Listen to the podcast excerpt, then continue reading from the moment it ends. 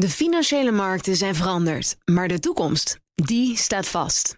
We zijn in transitie naar een klimaatneutrale economie. Dit biedt een van de grootste investeringskansen van onze generatie. Een kans voor u om mee te groeien met de pioniers van morgen. Meer weten? Ga naar carbonequity.com. Carbon Equity. Do good by investing better. BNR Nieuwsradio. BNR Zaken doen. Thomas van Zeil. We staan voor een existentieel moment van prijsvorming. Of die iets wat onheilspellende uitspraak van het hoofd van de Europese obligatiestrategie bij Bank of America, Marilyn Lynch, ook reden is voor zorg, bespreek ik in het beleggerspanel. Bestaat deze week uit Roel Barnhorn, thematisch analist bij ABN Amro, Selwin Duivenstein, fundmanager bij Mountain Shield Capital Management en Lodewijk van der Kroft, investerend partner bij vermogensbeheerder Comgest Benelux. En mijn zakenpartner is Connie Dorrestein. Welkom allen. Zometeen heel veel meer, maar we beginnen traditiegetrouw met het nieuws over jullie laatste transactie. Leg uit wat die laatste transactie is en waarom. Mag ik bij jou beginnen, Selwin? Uh, ja, natuurlijk. Ja, wij, um, Mount Shield is een long-short fund en we zijn dus short gegaan. We hebben ingespeeld op een daling bij het aandeel Tesla, omdat de markt wat begint te rommelen. Hmm. En dan ga je gewoon traditiegetrouw kijken naar welke aandelen zijn er hoog gewaardeerd, nog niet winstgevend, uh, krappe marges en voldoende ellende. En dan kom je uit bij Tesla, um, waarvan ik verwacht dat we uh, verder kunnen gaan dalen. Mag hij nou nog twitteren of niet, die Elon Musk? Uh, Want liever vond hier in het verleden wat van? Liever niet. liever niet. Um, ja, wordt het onrustig? Heeft het dan te maken met of er gesjoemeld zou zijn met die cijfers? Of is er iets anders aan de hand? Nou ja, je ziet natuurlijk onrust op de gehele markten. Zeker als je kijkt naar deze week, dan zie je de aandelenmarkten toch behoorlijk uh, bewegen. En vooral één kant op, en dat is naar beneden. Um, en wat ik dan altijd doe, is juist de aandelen die hoog gewaardeerd zijn, uh, daarin spelen op een daling. Roel Barnhorn. Jij mag volgen nu. Onderdeel van het beleggingsteam, strategie van ABN AMRO. Uh, we hebben ons obligatie onderdeel ge, ja, gediversifieerd in high quality, high conviction. High conviction hebben we eigenlijk de benchmark 50% emerging market en high yield. We zijn high yield aan het afbouwen uh, en we proberen emerging market uh, bij te kopen. Gebeurt al een tijdje volgens mij. Tenminste, die beweging is al langer zichtbaar, toch? Ja, maar we willen dat niet allemaal op één moment doen. Uh, het is een transitie en uh, de marktliquiditeit uh, vinden we op dit moment niet goed genoeg. Dus we proberen dat langzaam door te zetten. En we zijn nu een derde high yield en twee derde emerging market. Lodewijk van der Kroft, tot slot. Ja, de laatste aankoop die we hebben gedaan is ASML geweest. Uh, de zwakte op de technologiemarkt uh, heeft uh, ook ASML geraakt. En we denken dat er niet zoveel veranderd is in haar positie op de markt, maar dat het sentiment rond technologie en zeker in de hele food chain van China, Amerika, dat die ronduit slecht is. En dat is een koopmoment. Dus het heeft te maken met de wereldwijde onrust, het handelsconflict, de polariserende verhoudingen. Want ASML is natuurlijk gewoon nog altijd wel een vrij steady bedrijf, toch? Absoluut. Ik vraag uh, ook voor de gelegenheid toch maar even mijn zakenpartners. Soms hebben die helemaal niets met beleggen. Ik verwacht dat het in jouw geval anders is, Connie. Nou, de grap is, ik heb de meest onverstandige beleggingsstrategie. Ik leg namelijk alle eieren in één mandje. En dat is ons nieuwe bedrijf. En daar heb ik uh, kort geleden toch weer bijgestort. Omdat we zien dat de tractie rond open banking post PSD2 in, uh, in, in Engeland komt het los. En we willen onze hele goede developers houden. Dus ja, die, die moet je goed salaris betalen. En Nederland laat nog wat op zich wachten. Maar dat komt ook wel op gang. Maar je zegt zelf met een lach om je gezicht, om je lippen natuurlijk van uh, dit is een heel onverstandige strategie. Dat vind je ook echt? Uh, iedereen vertelt mij dat dat zo is, maar ik vind dat de strategie bij een persoon moet passen en dit past bij mij. Ja, is er nog iemand die haar kan behoeden voor iets vreselijks? Of is dat niet nodig in dit nee, geval? ik denk dat het heel verstandig is. Ik denk dat er weinig mensen echt financieel succesvol zijn geworden door alleen maar te diversificeren. Uh, de gemiddelde quote 500 bestaat niet uit mensen die rijk zijn geworden door uh, te beleggen in een gediversificeerde portefeuille. Ja, maar dan klinkt het een beetje: het is alles of niets. En in dit geval gaan we dan voor alles. Dat nou, er komt ook passie bij kijken. Hè? Dus uh, passie en knowledge en waar je hart ligt. Dus onderschat dat niet. En je moet natuurlijk altijd beleggen in bedrijven waarvan je op en top alle cijfers kent en alles goed dan kan doorgronden. En waar kan dat nou beter dan in je eigen bedrijf? Ja, tenzij je zo verblind bent door je idee of door het feit dat je denkt dat het gaat lukken, dat je niet meer objectief kunt zijn naar je eigen bedrijf. En zo schat ik daar niet in. Ik ook niet hoor, Connie. Ik ook niet, nee. Heel goed. Nou, laten we dan maar gaan praten over die uitspraak van het hoofd Europese obligatiestrategie bij Bank of America, Marilyn Lynch. Hij had het over de prijsvorming van bedrijfsobligaties. Daar is een existentieel moment gaande. Wat uh, is dat moment? Wat is er op dit moment aan het veranderen, waardoor we toch eens echt moeten gaan kijken naar die prijsvorming zelf in? Uh, nou, wat je natuurlijk ziet is dat de ECB ophoudt um, met het opkopen van die bedrijfsobligaties. Dat hele programma van het opkopen van de corporate bonds, uh, dat stopt. Ze hebben tot dusver 177 miljard euro uh, in die markt gestopt. en daar gaan ze mee ophouden. En hoe bepalend was die ECB? Enorm. Ik zou bijna durven zeggen dat zij de hele markt bepaalden.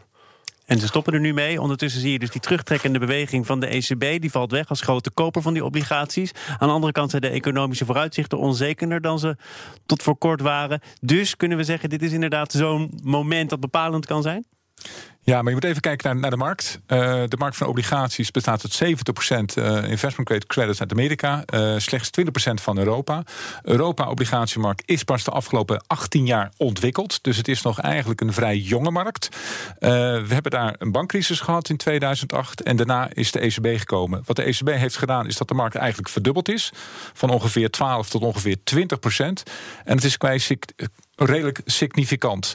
Er zit wel een tilt naar bepaalde landen. Uh, als je kijkt naar de Frankrijk, de kakkerant. Uh, als je alle bedrijven kijkt, er zit de kwaliteit daar net in de high yield segment. Uh, ook in de high yield segment in Europa zit 20% Italiaanse banken. Dus er zitten zeker risico's aan verbonden. Maar de ECB koopt bedrijven uit investment grade. Dat wil zeggen dat daar accountancy is. Daar zijn ratings voor. Dus in principe zijn dat transparante bedrijven. En je wilt dus ook zeggen, niet ieder bedrijf kwam daarvoor in aanmerking voor het opkoopprogramma van de ECB. Ja. Lodewijk, is dit een bepalend moment? Nou, misschien dat het moment eigenlijk al uh, eerder was. Kijk, uh, dit is iets wat, uh, wat we met z'n allen hebben zien aankomen. Maar als je kijkt naar eind vorig jaar, zag je dat bijvoorbeeld de, de koers-winstverhouding van aandelen in Europa al aan het dalen was. Dat mensen bereid waren om minder te betalen voor die toekomstige winstgroei. En tot, tot op dat moment bleef die winstgroei bleef, relatief goed. Uh, en er is een uh, zekere relatie tussen die koers-winstverhouding op de aandelenmarkt en de spread die mensen bereid zijn te betalen bovenop zeg maar risicovrije staatsobligaties. En eigenlijk zijn die twee zijn een beetje uit elkaar gaan lopen. Er is enorm veel corporate debt is er nog geëmiteerd in de eerste helft van dit jaar. Ja. maar daar hebben we ook een specialist voor en, aan de tafel zitten. Maar als ik kijk naar die cijfers, dan is daar toch 60 eh, miljard is er eh, nog heel snel uit deze markt eh, gehaald. Terwijl eigenlijk iedereen al nerveus aan het worden was. En ik denk dat, dat dit moment niet vroeg genoeg kan komen. Dat iedereen wat kritischer wordt. Ik hoor heel duidelijk een verstorende factor. Uh, de markt is maar 20% hè, van de totale globalmarkt. Uh, als die grote koper, die eigenlijk irrationeel is, op elke prijs kocht die, uh, gaan we terug weer naar een oude scenario toe. En wil zeggen dat we gedreven worden door de Amerikaanse markt. Dat is 70% van de markt. In Amerika, economie, die loopt op dit moment aan het eind van de cyclus. Dus daar vind je een correctie plaats. als je kijkt naar alle obligatie die dus in de index zit, investment grade, dat zit allemaal tegen de high yield aan. Dus mensen hebben geleveraged. Waarom?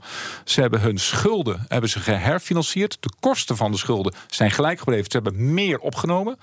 Uh, net zoals hypotheek houdt je hypotheekkosten gelijk, maar je neemt meer hypotheek op. En er zijn heel veel M&A-activiteiten. Nou, InBev is nou een van de voorbeelden van een heel stabiel bedrijf. En die heeft heel veel opgekocht. Het dividend halveren nu? Die gaat dividend halveren. En die willen eigenlijk de investment grade sector blijven. Want als ze in de high yield segment zijn, zijn ze te groot voor die hele universe. Dus we krijgen eigenlijk op dit moment een, een, een, een time-out, een, uh, een, een, realisatie van hoe gaan we nu verder met obligaties. En ik hoorde aandelen specialist al, die vergelijkt aandelen met, met obligaties. Waar zit je, je risico en je potential in.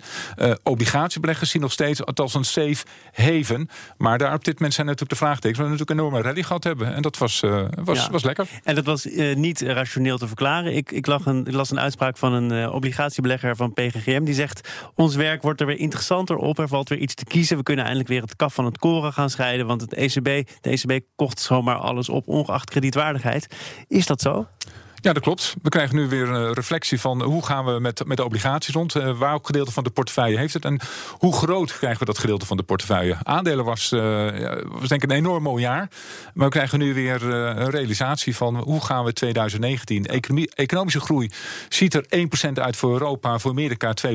En als je dan een rendement krijgt van 1%, dat is niet goed genoeg voor deze staat van de economie.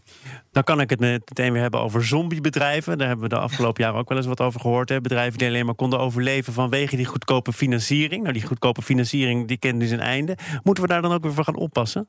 Uh, ja, dat vind ik wel. Als je in een klas vol leerlingen zit en er zijn een paar vijf en halfjes die het halen dankzij de bijles. En ineens houdt die ECB op met het geven van de bijles. Dan zou ik me zorgen maken. Want dan zijn er ineens een heleboel bedrijven. Uh, die zogenaamde zombiebedrijven zijn dan natuurlijk als eerste. Die hebben kunnen uit hun bedrijfsresultaat niet de rentelasten financieren.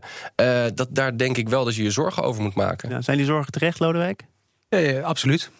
Dus uh, wat dat betreft uh, proberen wij aan de andere kant ons te richten op bedrijven die uh, niet al te afhankelijk zijn van externe financiering.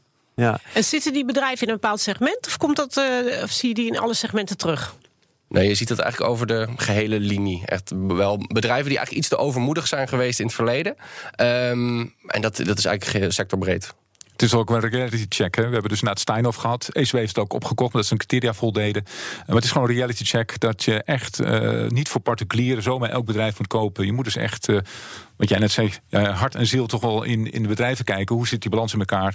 En het moet wel kloppen met Ja, de het is een cijfers. reality check waar we denk ik langere tijd niet zoveel rekening mee moesten houden. Want deze periode heeft redelijk lang aangehouden natuurlijk. Ja, maar er zijn voor mensen echt een totale nieuwe situaties aan ontstaan die er niet aan gewend zijn. Die niet gewend zijn dat ze ook echt risico lopen. Nee, maar je hebt natuurlijk een bankcrisis gehad in 2008. Daarvoor zijn de banken enorm strak gereguleerd. Eh, banken kunnen niet zomaar hun balans meer gebruiken. De banken eh, pakken ook hun PIX die ze willen ge- gebruiken en willen financieren. Dan krijg je bedrijven die buiten daar omvallen. En die zoeken dan de, de publieke markt, de open markt op... om een obligatie en hun, hun visie te verkopen. Nou, als je een goede verkoper hebt, gaat het lukken. Maar als je echt een fundamentele anomalist hebt... die kijkt naar de cijfers. BNR Nieuwsradio. BNR Zaken doen. Waarin we praten met het beleggerspanel bestaande uit Roel Barnhoorn, thematisch analist bij ABN AMRO, Selwin Duivenstein, fundmanager bij Mountain Shield Capital Management en Lodewijk van der Kroft, investerend partner bij vermogensbeheerder Comgest Benelux. En mijn zakenpartner is Connie Dorrestein, die belangrijke levenslessen heeft bewaard voor de reclame. Ze is daarvoor te boeken waarschijnlijk. Wij gaan eh, praten over het verhaal van de beurs. Gisteren, eh, dat was namelijk Binkbank. De online broker is akkoord met een overnamebod van 424 miljoen euro door het Deense, of moet ik zeggen, Chinese Saxo Bank. Nu is nog wachten tot de aandeelhouders akkoord gaan. Eh, is dat een formaliteit, Selwin, of verwacht je daar problemen?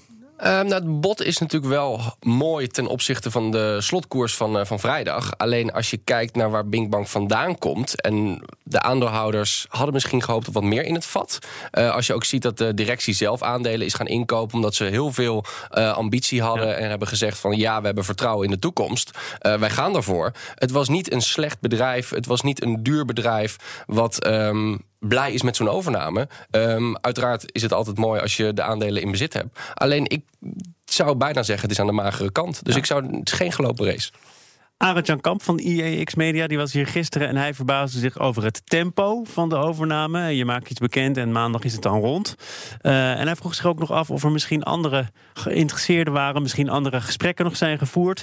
Eh, Lodewijk, ligt dat voor de hand?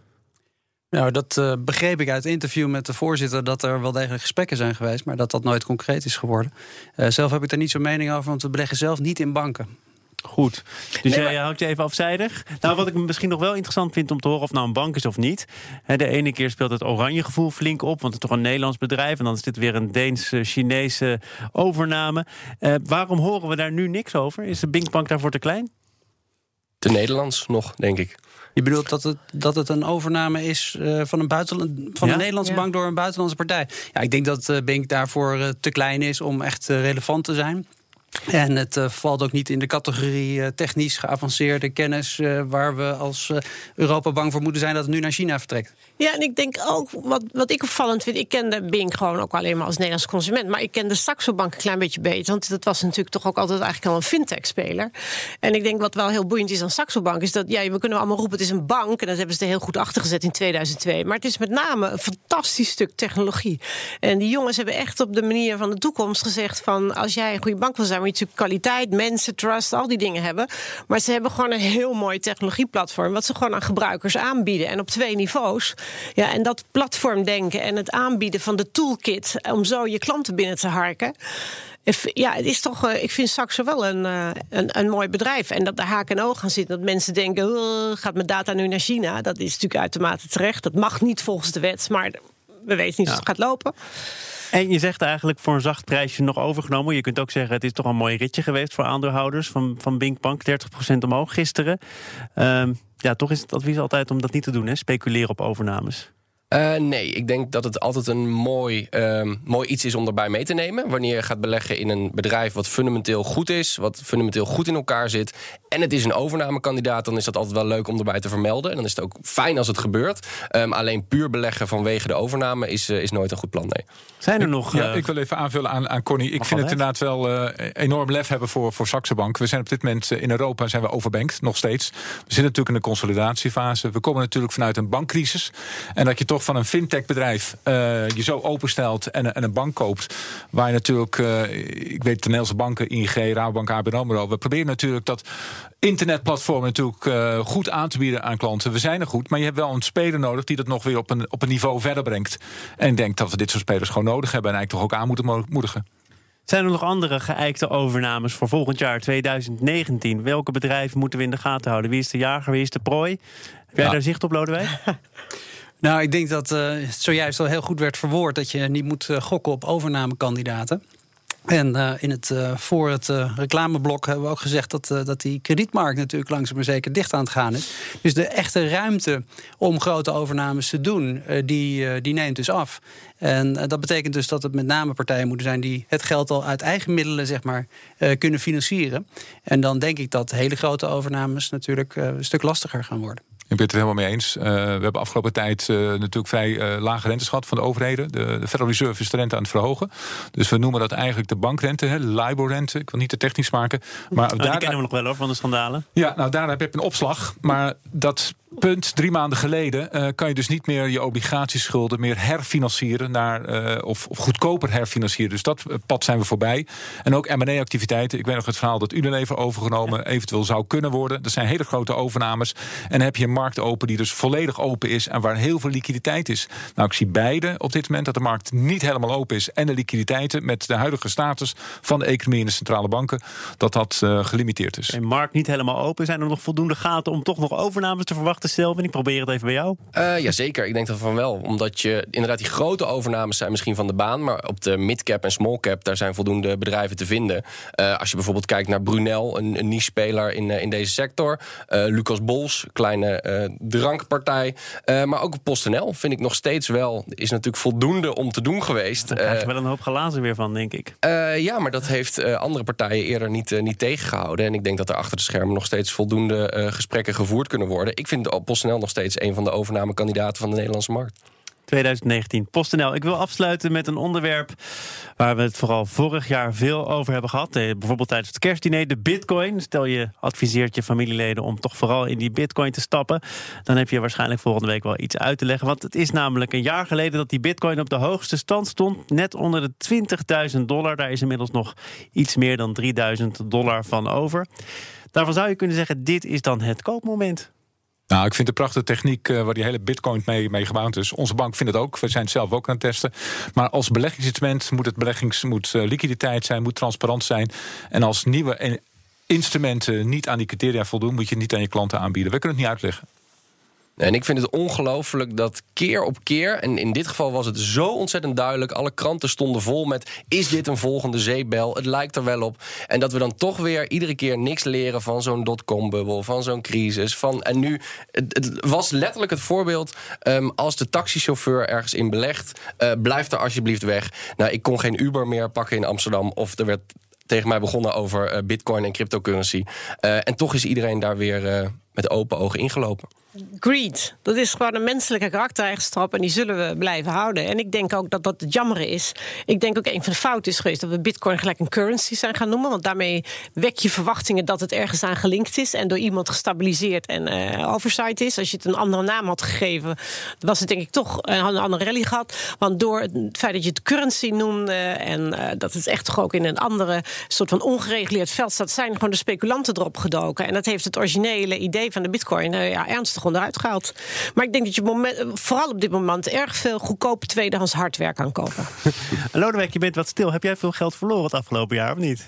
Jawel, maar niet aan bitcoin. Oh. nou, Daar zijn de gewone markten zijn er ook al goed voor. Uh, dus daar hoef je niet voor in bitcoin te zitten om geld uh, te verliezen op deze markten. Ben je dan wat terughoudend omdat je er gewoon weinig in ziet? Ja, ik heb er nooit iets in gezien. En uh, als je niet uh, bent uitgenodigd op het uh, huwelijksfeest, moet je ook niet op de begrafenis komen, heb ik altijd geleerd. Ah, mooi, mooie wijsheid. Mooie wijsheid. Ja, toch denk, ben ik tempted hoor. Denk ik misschien niet meer voor mijn zoon, maar voor toekomstige kleinkinderen. Een grapje, even een dansje maken voor een paar bitcoins, gewoon om te kijken. Hele lange termijn. Maar goed, dan, je kunt het dansje wagen met geld dat je sowieso kunt missen. En daar is het natuurlijk misgegaan vorig jaar waarschijnlijk. Ja, het is absoluut. Ik denk niet dat je hoger risico kan gaan dan dat. Ik, ik las een statistiek. Hè. Vorig jaar wilden mensen natuurlijk allemaal en masse in die bitcoin. En nu is er nog maar ongeveer voor een zesde van de prijs bijna niemand meer die dat durft. Ja, wat, wat zegt dat dan eigenlijk? Zegt dat sowieso iets over de volatiliteit, maar toch ook dat er nooit echt een rotsvast geloof geweest is in die bitcoin? Eh, nou, voornamelijk over de psychologie van beleggers en investeerders. En dan voornamelijk toch altijd weer de particuliere belegger... eh, die pas op een koers van 20.000 gaat denken... hé, hey, dat is wel, wellicht interessant. Terwijl alle insiders al lang en breed zijn uitgestapt. En dat zie je keer op keer gebeuren. Maar hoe werkt het dan? Want bijvoorbeeld goud heeft ook niet echt een, een onderliggende waarde waar je pijl op kunt Nee, trekken. we, hebben, we hebben het nu over bitcoin. Het is er eentje van de vele. Eh, je kan natuurlijk wel Ja. in de beleggingsfondsen gaan... die dus ook die andere eh, coins, currencies, cryptocurrencies gaan gebruiken. En ik denk dat dat een veel beter moment is. Dan kan je de dingen met elkaar vergelijken. We praten nu over één ding, geïsoleerd van de rest. En dan kom je inderdaad het element van greedy. En ik heb het in de krant gelezen. Ik moet daarbij zijn, want ik kan ik niet meepraten. Dus ik denk dat iedereen op dit moment mee heeft gedaan van... ik wil het ondervinden. En de andere zag de prijs omhoog gaan, stapte mee in. Eh, maar voor ons, wij vonden het niet sustainable. En ik denk dat we onze lessen weer geleerd hebben. En nou hoe ja, doen die niet dus fondsen waarschijnlijk, want dat is volgens mij wat jij zegt. Je kunt het eh, keer op keer kan je eh, blijven falen. En de volgende keer zijn we net zo hebberig als we altijd al waren.